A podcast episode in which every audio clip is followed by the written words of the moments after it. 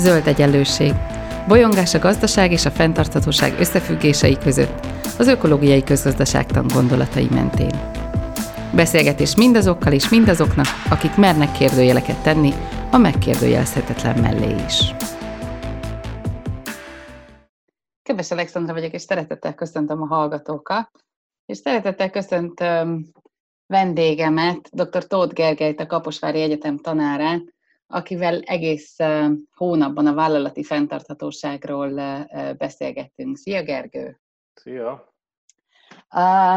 Az adásunk témája a tulajdonhelyet hozzáférés, és ugye itt az új üzleti modellekről beszélhetünk, és nyilván sokan sokféleképpen kezdenek ehhez hozzá. Van, aki ugye megosztáson alapuló gazdaságról beszél, vagy ugye sharing economy, de hogy, de, de hogy nem, nem csak ez az egy üzleti modell van az, a, abban, ahogy a, a tulajdon helyett megpróbálunk inkább hozzáférést biztosítani az emberek szükségleteinek a, a kielégítéséhez. Most már az előző adásunkban is a, a szolgáltatói gazdaság esetében érintettünk olyan megoldásokat,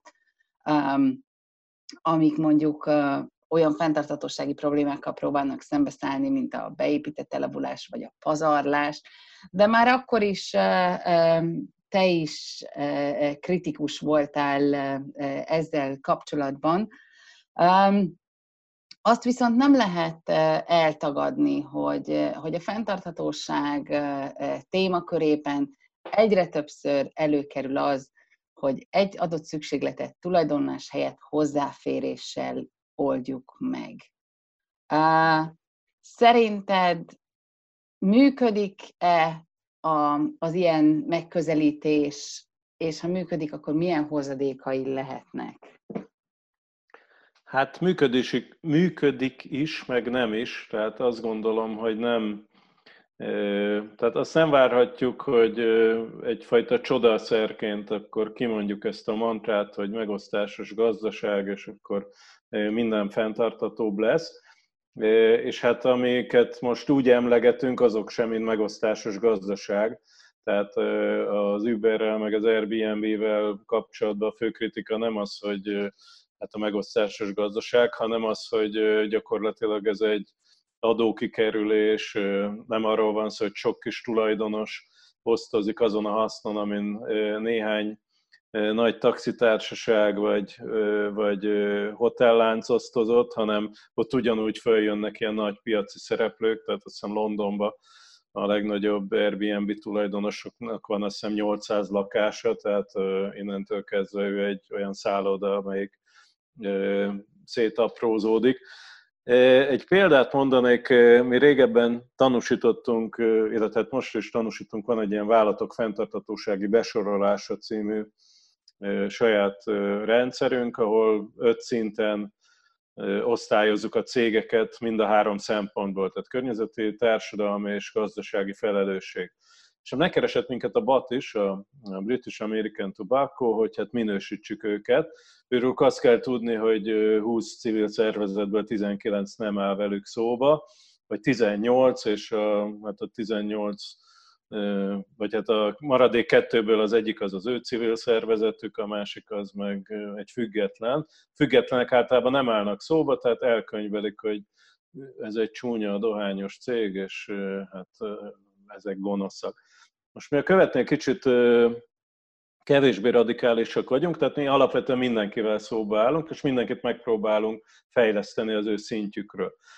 Kicsit hosszan kanyarodok rá a témára. Az a lényeg, hogy egy ilyen rendezvényükön ott voltak azt hiszem világbankos szakértők, és itt szóba került a, a dohányipar, és föltette nekem az egyik világbankos emberke a kérdést, hogy vajon mi lenne Dél-Amerikába, hogyha, meg, hogyha betiltanák a dohányipart, mert hát ezt lehetne csinálni, tehát ez egy ilyen egyszerű megoldásnak látszik, hogy a a dohányzás az á, káros az egészségre, egyre többen utálják, legalábbis a fejlett országokban egy ilyen keresztes háború vagy boszorkány üldözés kezd kibontakozni a dohányosok ellen. Én most nem vagyok dohányos, tehát nem azért mondom ezt az egészet.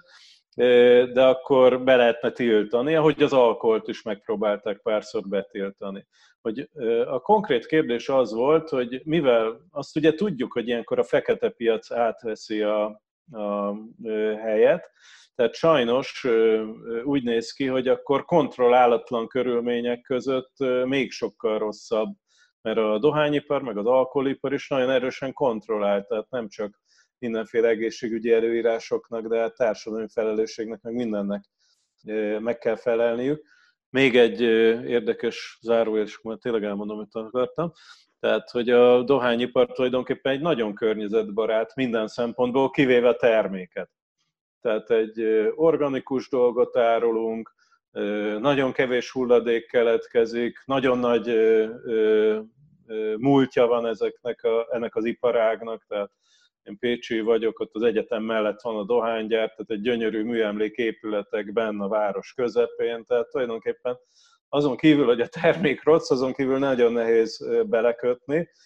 Pont fordítva van, mint egy gyógyszergyár, ott, ott, ott, na mindegy, nem akarom most megint, azt már elővettük egyszer. Visszatérve, tehát az volt a kérdés, hogy mit csinálna az a sok paraszt, aki dohány termel Dél-Amerikába. És hát sajnos drogot termelnének, tehát hogyha megszűnne az ő szerepük ebbe a gazdasági láncba, akkor bizony valószínű, hogy nem lenne mindegyikből költő, meg szociális munkás, hanem, hanem valami más termelnének, amiben pénz van.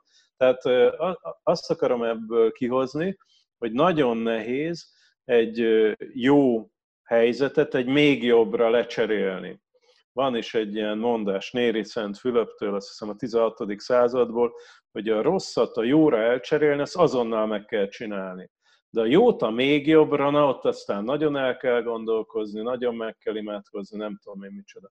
Tehát az a lényeg, hogy, hogy most azért van egy nagyon fejlett kapitalizmusunk, egy emberarcú kapitalizmusunk, amit több száz év alatt fejlődött ki ezekbe az országokba, tehát hogy itt nincsenek munkai balesetek, meg meg kizsákmányolás, meg gyerekmunka, meg minimálbérek vannak, tehát ez, hogy hajlandóak vagyunk, mind, hajlamosak vagyunk mind olyan ö, adottnak venni, de azért ez egy nagyon nehéz folyamat volt, és nem léphetünk vissza, és innen nagyon nehéz továbbfejleszteni. Visszatérve az Uberre, meg az Airbnb-re, tehát azt is jónak találom, hogy a legtöbb iparágban néhány nagy szereplő az iparág 60-80, akár 90%-át is dominálja élelmiszeripar, gyógyszeripar, autóipar, mindenütt megvan ez a koncentráció. Gyakorlatilag oligopol piacokon mozgunk, már nem lehet semmibe vállalkozni. Tehát ebből a szempontból én azért mégiscsak jónak tartom,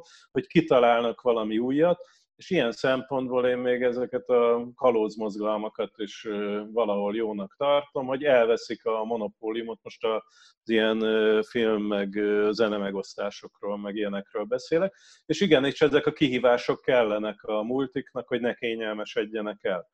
Most a konkrét megvalósulás az viszont van, hogy elkanyarodik, tehát, és látjuk, hogy nem feltétlenül abba az irányba, amelyikbe akarjuk. Tehát én ezzel úgy vagyok, hogy nem mondanék még róla véleményt. Ez egy úgynevezett vad probléma, amit csak kísérletezéssel lehet megoldani, és ugye ez azt hiszem a te mondásod, hogy, hogy megengedettek a hibák, meg hogy mondtad, hogy komplex problémáknál jó a Igen. tévedés, vagy valami ilyesmi. Igen, ügyetlen megoldások, komplex problémákra ügyetlen megoldások kellenek. Igen, tehát igenis kell kísérleteznünk az ügyetlen megoldásokkal, a, ki kell kerülni a taxivállalatnak, az államnak, meg a NAV-nak, meg nem tudom én kinek, az ANTS-nek a komfort zónájából, hogy nem lehet mindent kontrollálni, és kell a kísérlet, e, erről szól a szabad piacgazdaság, meg a fejlődés. A kísérleteknek kell utat engedni. És utána persze nagyon figyelni, és, és aki visszaél vele, meg aki ezt csak adóelkerülésre használja, stb. azt persze nyakon csípni, de de én azt gondolom, hogy ezeknek igenis van helye. Kell kísérletezni, de még nagyon messze vagyunk attól, hogy ezek egy az egybe kiválthatnák a, a mostani modelleket, amiknek nagyon sok előnye van.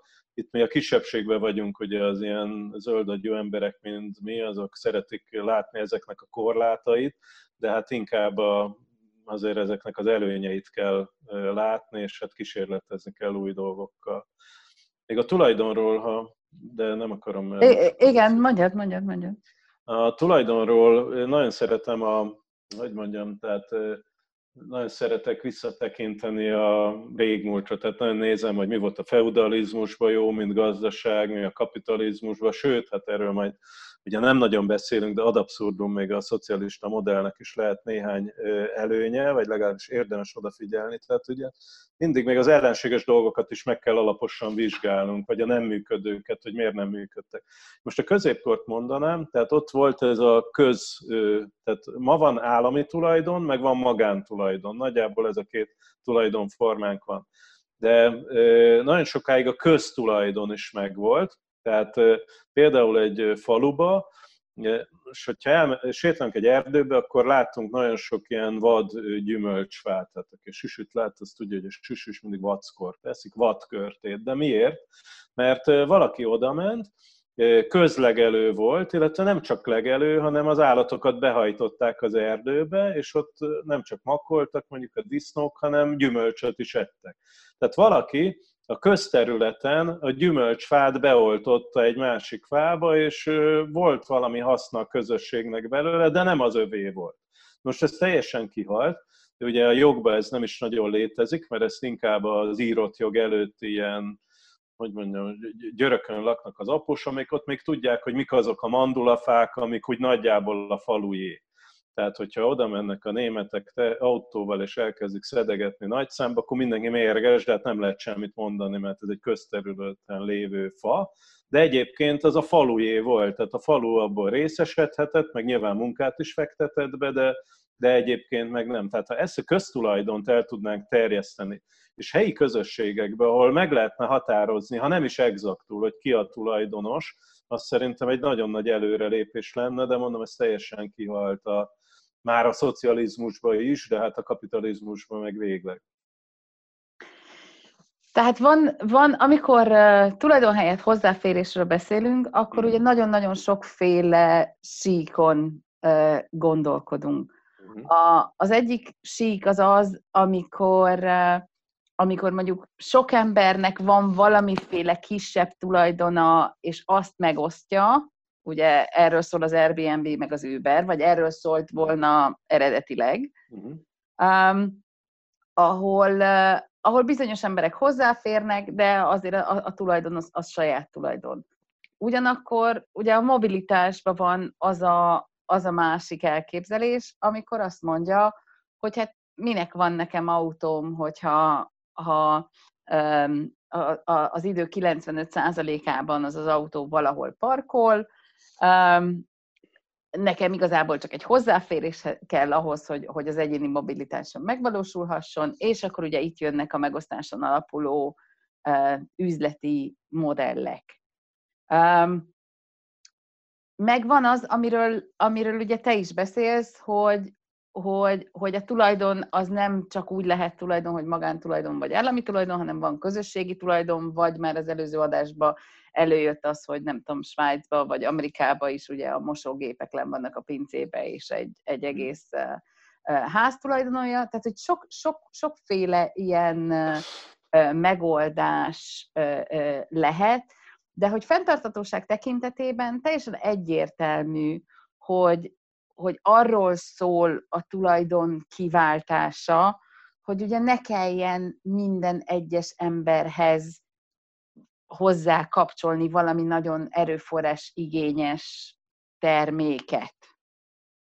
Uh, és, uh, és hát ezt, ezt valahogy mindenféleképpen kellene, tehát hogyha csökkentésről beszélünk, ha arról, arról beszélünk, hogy csökkenteni szeretnénk az outputokat, csökkenteni szeretnénk uh, a gazdaság méretét annak érdekében, hogy a megújuló képességbe beleférjünk, akkor, akkor ez az irány, ez mindenféleképpen előremutató tudna lenni, mind a három esetben, amiről, amiről itt eddig beszéltünk. Nyilván nem úgy, hogy az Airbnb-nél, meg az Ubernél ugye egy nagy cég veszi be a sápot mindenhonnan.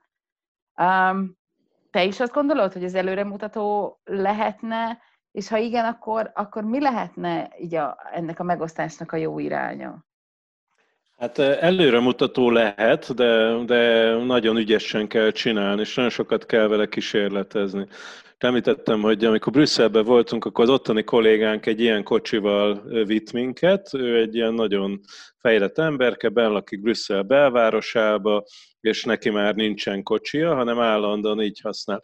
Hát ez az autóval állandóan baj volt. Tehát először is annyira okos volt a rendszere, hogy akkor mobiltelefonnal lehetett indítani, na de a mély garázsban nem működött a mobiltelefon, akkor nem tudtuk bezárni, stb. Tehát most nem akarok illúzió romboló lenni, de a saját kocsiját az ember tudja használni, ugye, és vigyáz is rá és hát megdolgozott érte, tehát nekünk volt a követnél ott általában egy vagy két céges autó van, és ha annak nincs gazdája például a követen belül, akkor azok nagyon, tehát sokkal hamarabb el, el rongyolódtak, ha lehet ezt mondani. Tehát ezt világosan láttuk a szocializmusban, hogyha nincsen magántulajdon, akkor nincs az a tulajdonos, aki vigyáz rá, mert ő tudja, hogy, hogy milyen nehéz volt megszerezni, és nincs az a tulajdonos, aki fölvirágoztatja, mert tudja, hogyha az az, mit tudom én, jobb benzin tankol bele, akkor lassabban megy szét a motor. Hát most ki fog egy, egy megosztott autóba jobb benzin tankolni, amennyiben ő fizeti. Hát a cég. A cég, hát- akié az az autó, és akinek az az érdeke, hogy az az autó az, az nem tudom, most, most csak mondok valamit, 20 évig jól működjön. Hát én biztos, én most egy kicsit ilyen tradicionális álláspontra helyezkedek, de én a kocsimhoz kötődök személyesen is, nem csak anyagilag. Ahogy a fához is, ami a kertemben van, az úgy kötődök, hogy nem tudom, a kishercegből kinek van meg ez a rózsa, hogy a, a, a rózsa nem, van egy olyan jelent, hogy kisherceg elmegy egy rózsás kertbe. Ott van ezer gyönyörű rózsa. De mondja, hogy lehet, hogy szépek vagytok, de nekem az én rózsám a legszebb, de nem azért, mert az, mert az a legszebb, hanem azért az energiáért, amit én belefektettem. Tehát ez az autó, nekünk most egy viszonylag régi autónk van, majd előbb-utóbb le kell cserélni, de én azért se szívesen válok meg tőle, mert tudom, hogy, hogy mennyi energiát fektettem bele. Tudom, hogy milyen alkatrészeket raktam bele, ha nem én, hanem a... De tudom, és, és akkor emlékek kötődnek hozzá. Tehát azért, azért nem ennyire egyszerű, hogy tudom, hogy van most a fiatalságban egy ilyen, és ilyen szempontból én biztos rossz vagyok, hogy a, az én szüleim, nagyszüleim, ők, ők még nagyon nagyon ragaszkodtak a tulajdonhoz, mert ugye háborús gyerekkoruk volt, ugye? Tehát meg, meg, a szocializmusban ugye nagyon nagy dolog volt, ha volt valakinek valami jó ruhája, vagy ide. Én már ilyen szempontból nem kötődöm, de azért még szegénységben nőttem föl, tehát nagyon megbecsülöm a termékeket. Az utánunk jövő generációnak gyakorlatilag már, már ilyen, ilyen nem tudja annyira megbecsülni, mert, mert már nincs olyan értéke. Tehát ezt egy jó tendenciának tartom, hogy nem kötődünk a tulajdonhoz, de azért nem lehet átesni a lónak a másik oldalára. Tehát a tulajdonhoz való köt, tehát azt gondolom, hogy a tulajdonnak van egy ilyen, én nagyon hiszek mostában a Gauss görvékbe, a harang görvékbe, és azt gondolom, hogy annak is van egy optimuma. Tehát és tulajdonképpen az a művészet, az az életművészet, hogy minél kevesebb tulajdonból éljünk boldogan. De nem gondolom, hogy ez a nulla felé tendál, tehát hogy minden, valamint ezeknek nagyon nagyok a tranzakciós költségei. Tehát, hogyha ez az autó itt áll a ház előtt, beleülök, megyek vele. Így is nehéz, mi ugye heten vagyunk egy autóval, tehát nehéz már megosztani. Ketten járunk vele munkába, tehát ez egy komoly én valahol ott húzom meg a mi határunkat, hogy nem veszünk még egy autót, mert az lenne a legegyszerűbb, és az lenne, de nem csak azért nem veszünk, mert nincs rá pénzünk, vagy környezettudatosak vagyunk, hanem nem akarok dupla macerát. Nem akarom, hogy két helyet foglaljon, egy kettőt kelljen szervizbe, kettőnek kelljen a biztosítást fizetni. Tehát a tárgyaknak van egy ilyen tulajdonsága, hogy úgy kicsit kell gondozgatni is őket megismerni a funkcióikat. Hát gondolj bele, hogy ma ki tudja egyáltalán a mobiltelefonjának, vagy a fénymásolójának az összes funkcióját. Azért nem cserélgetek túl gyakran mobiltelefont, mert ezt már ismerem. Nem, én azt szeretném, hogy olyat gyártanának, ami nekem sokáig jó lenne. Ezt fontosabbnak tartanám, mint hogy kinek a tulajdona. Azt tartanám jónak, hogyha, mit tudom én, a memóriáját nem telítenék meg Ugye egy szó esett a vázlatodba beépített elavulásról, tehát azt azt úgy hiszem is, meg nem is, de bocsánat, mert nem akarok fel nem tett kérdésekre válaszolni. De nyugodtan, nyugodtan.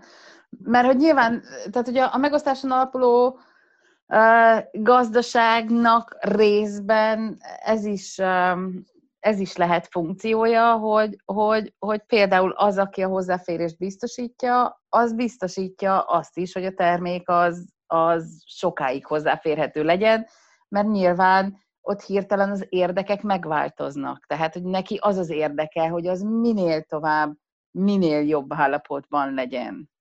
Hát igen, viszont nyakába vesz az ember, állam, tehát azért arról is szólnak ezek a modellek, hogy az emberre rárakjanak folyamatosan fizetendő költségeket, amiket stresszt eredményeznek.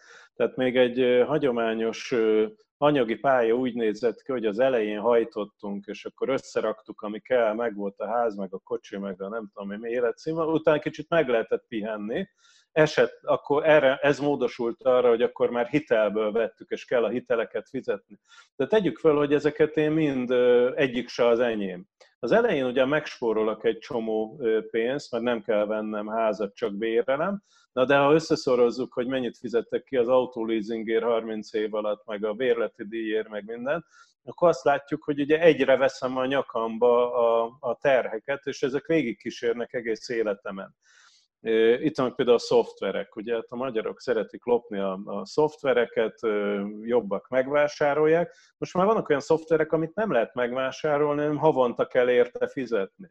Most ezeketől például írtózom, tehát én nem akarok, van eleve olyan szoftver, amit alig használok néha, de akkor nagyon kell, mondjuk egy ilyen Adobe Acrobat író, és akkor én azért nem akarok akármely, még ha csak ezer forint, vagy két dollár, vagy nem tudom én mennyi, nem akarok folyamatosan fizetgetni érte. És lehet, hogy ez hülyeség, hogy én birtokolni akarom, hogy itt legyen a gépemen, de mégiscsak. Most itt van például az infrastruktúra, hogy, hogy akkor milyen jó, hogy nem tüzel, nem kell naponta befűteni, meg minden, de azért mégiscsak egy egyszerű dolog volt, hogy megvette az ember évente egyszer a fát, és akkor az az övé volt, és nem volt egy folyamatos, hogy most a gázt állandóan fizetgetni kell. Aki nagy lakás, vagy nagy közös házban lakik, ott nyáron is kell valami. Tehát föl kell tartanunk olyan rendszereket, amiknek az összfenntartása azért kérdéses. Tehát én, én azért nagyon hiszek ezekbe a az individuális kicsi személyi rendszerekbe is. És annak, hogy ura vagyok az én vagyonomnak, annyit rakok össze, amennyit kell. Nyilván az a másik véglet, amit te mondasz, hogy akkor halmozzuk föl és izé, de azért, hogy mondjam, tehát megint csak azt mondanám, hogy nem eshetünk általó túlsó oldalára. Akkor milyen példákat mondanál? Milyen olyan területeket, vagy, vagy iparágakat mondanál, ahol mondjuk a megosztáson alapuló gazdaság az működőképes lenne?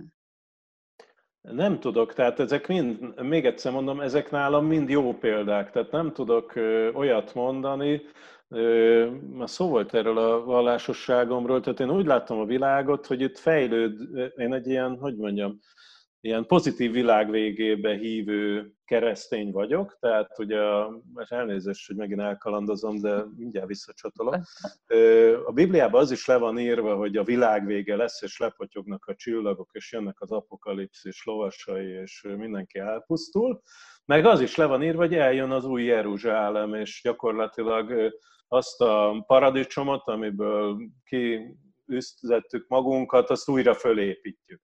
Most ugye vicces, hogy hát tudományos feje nehéz, hogy akkor Isten nem gondolta végig, vagy elfelejtette a lektornak odaadni, hogy most akkor döntse már el, hogy mert ez egy elég fontos kérdés, nem, hogy pozitív vagy negatív világvége lesz. Én azt gondolom, hogy azért van így, mert a kezünkben van ez a, ez a dolog. De ez azt is jelenti, hogy nem lesznek sose tökéletes megoldások itt a Földön, de kísérleteznünk kell jó szándékkal. Tehát például azt is gondolom, hogy a háborúk meg az erőszak, illetve ezt nem én gondolom, tehát erről nagyon komoly kutatások vannak, az szorul vissza. Szorul vissza, és egy nagyon, sose éltünk ennyire biztonságos és pacifista korban, mint most, de ez nem jelenti azt, hogy a háború teljesen megszüntethető lesz vagy a gyilkosságok, vagy, vagy a lopás, vagy akármi. De mégiscsak az, hogy az embernek oldalt néz, és ellopják az ezt, meg azt, meg ami nálunk van, hogy vagy van ahol megtalálni napok múlt, vagy Svájc, Svájcról volt szó. Kirak az ember egy jó sílécet az utcára, ott felejt, és három nap múlva ott van. Pedig az egy több ezer eurós szerkezet is lehet. És mi is már egy kicsit itt vagyunk, tehát azért szerintem ezek nagyon visszaszorultak, de sose fog teljesen kiszorulni. Azt gondolom a te kérdésedről is, hogy ezekkel mind kell kísérleteznünk, és ezek jó irányba visznek, még az Uber, meg az Airbnb, meg nem tudom micsoda is. És majd jönnek olyan vállalkozók, akik majd jobban csinálják. És igazából az emberbe van belül, hogy ő milyen motivációból csinálja. Tehát ahogy nyilván vannak ilyen szemét cégek, akik beépített elavulást csinálnak, az, az egy disznóság, tehát az, de nem lehet megfogni, vagy nagyon nehéz. De vannak ugyanolyanok, akik meg hát olyan termékeket csinálnak, amik nagyon sokáig jók. Tehát én például most abban vizionálok, ha lenne egy olyan autó, ami száz évig jó. Nyilván nem egy az egybe, de lehetne úgy cserélgetni, meg modulokból állna, meg ott például látnánk egy ilyen, tehát hogy az autógyár, akkor ő építeni, és akkor mit tudom én, a motort azt olyanra építeni, mert ugye rossz nyelvek szerint a mostani motorok sokkal rosszabbak, mint a 20 évvel ezelőttiek, ugyanazokba a típusokba. Tehát, hogy mondjuk ez lenne a vonal, és nem az, hogy ezeket az EU normákat még lejjebb nyomjuk, amik már valószínűleg most is irreálisak, a kibocsátási normákról beszélek, és főleg visszaadnánk az autógyáraknak a kezébe ezt az innovációt, tehát ezt nem autógyártáshoz csak hozzávetőleg értő bürokraták döntenék el Budapesten vagy Brüsszelbe, hogy politikailag kiegyensúlyozottak legyünk, hanem ezt rábíznánk a gyárakra, meg a fejlesztőkre, és utána, ha azzal visszaélnek, vagy ha mondjuk kartelleznek, és, és, és visszafogják a találmányokat, meg az üzleti modelleket, az, akkor azokat büntetnénk, az egy sokkal jobb modell lenne, szerintem. Uh-huh. Tehát nem tudok most ilyet mondani, hogy a nézőbe, szálláskiadásba inkább, az autóiparba kevésbé. Aki utána jár, meg egy kicsit nézegeti az internetet, meg a nyugati irodalmat, és az mindenütt talál szerintem ilyeneket, és mindenütt látja a hátulütőit is. Most vagyunk abban a fázisban, hát én most egy hónapja hallottam az első PHD dolgozatot a az Airbnb-ről, amit véde, védtek. Tehát ugye a tudomány az leköveti a, a divatot, és akkor már vannak visszajelzéseink, ha esetleg meg lenne ez a hiányzó láncem, hogy a politikusok érdeklődnének a tudomány iránt, akkor vissza lehetne csatolni a szabályozásba, tehát ez, ez, ez működik azért szerintem. Jó, hát az is kétségtelen, hogy az, amit mondasz, az annyiban talán összhangba hozható, hogy, hogy ugye azt mondod, hogy, hogy törekedjünk arra, hogy, hogy minél kevesebből tudjuk kielégíteni a szükségleteket, és hát nyilván ez a, ez a, ez a minél kevesebb, ez azt is jelenti, hogy ha létrejönnek ilyen megosztáson alapuló megoldások, akkor azok, akik, akiknek az életstílusában bizonyos dolgokra nincsen feltétlenül annyira sokszor szükség, akkor ők tudnak élni ezzel a lehetőséggel, míg azok mondjuk nem tudom, tehát hogy, hogy, hogy nekem relatíve ritkán van szükségem fúrógépre, ugyanakkor nyilván egy, egy asztalosnak meg folyamatosan szüksége van fúrógépre. Tehát, hogyha én, én hozzá tudok gond nélkül jutni úgy, hogy kis tranzakciós költséggel, amiről ugye beszéltél, ami egy fontos fogalom ebben a, ebben a témakörben, akkor, akkor nem, nem fogom megvenni a, a, a fúrógépet, hogy aztán azt 364 napon keresztül pakoljam, hogy, hogy egy napon keresztül használjam. Tehát, tehát valószínűleg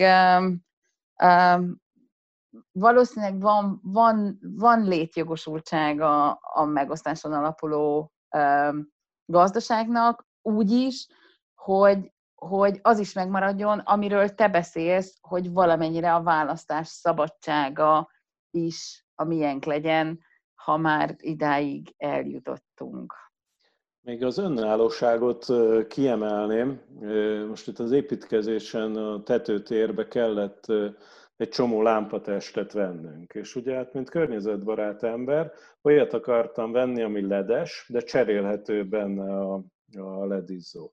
Most uh, szomorúan közlöm, hogy ilyet már nem lehet nem kapni. Nem lehet kapni, így van. Ezzel Akkor a villanyszerelőnk, akkor, akkor hát uh, mosolyogtam rá, aztán felmentem a netre, és a 2500-ból volt talán 20 féle, ami, ami cserélhető, és 2480, ami nem, és hát a dizájnban azok meg már régebbiek voltak. Ezt viszont a, ezt a végnek tartom, hogy ki kelljen fizetnem egy csomó dolgot olyanért, amit én meg tudnék a kezemmel csinálni, kettő, eldobni egy olyan dolgot, ami, aminek a nagy része jó még, csak egy kis része rossz, mert ugye egy hagyományos izzószálas izzóba az izzószál tönkre megy, de egyébként a lámpatest meg minden nem.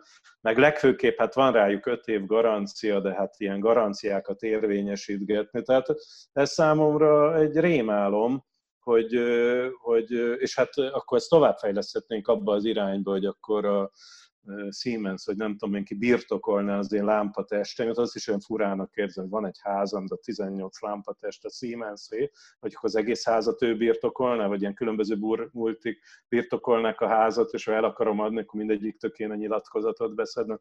Tehát itt van az önvezető autóknak a példája is, tehát ezek nagyon jó ötletek, de ott is a legnagyobb gond az, hogy ki felelős az önvezető autó balesetet csinál. Ha a sofőr van, akkor elég világosan kideríthető, hogy ki a felelős.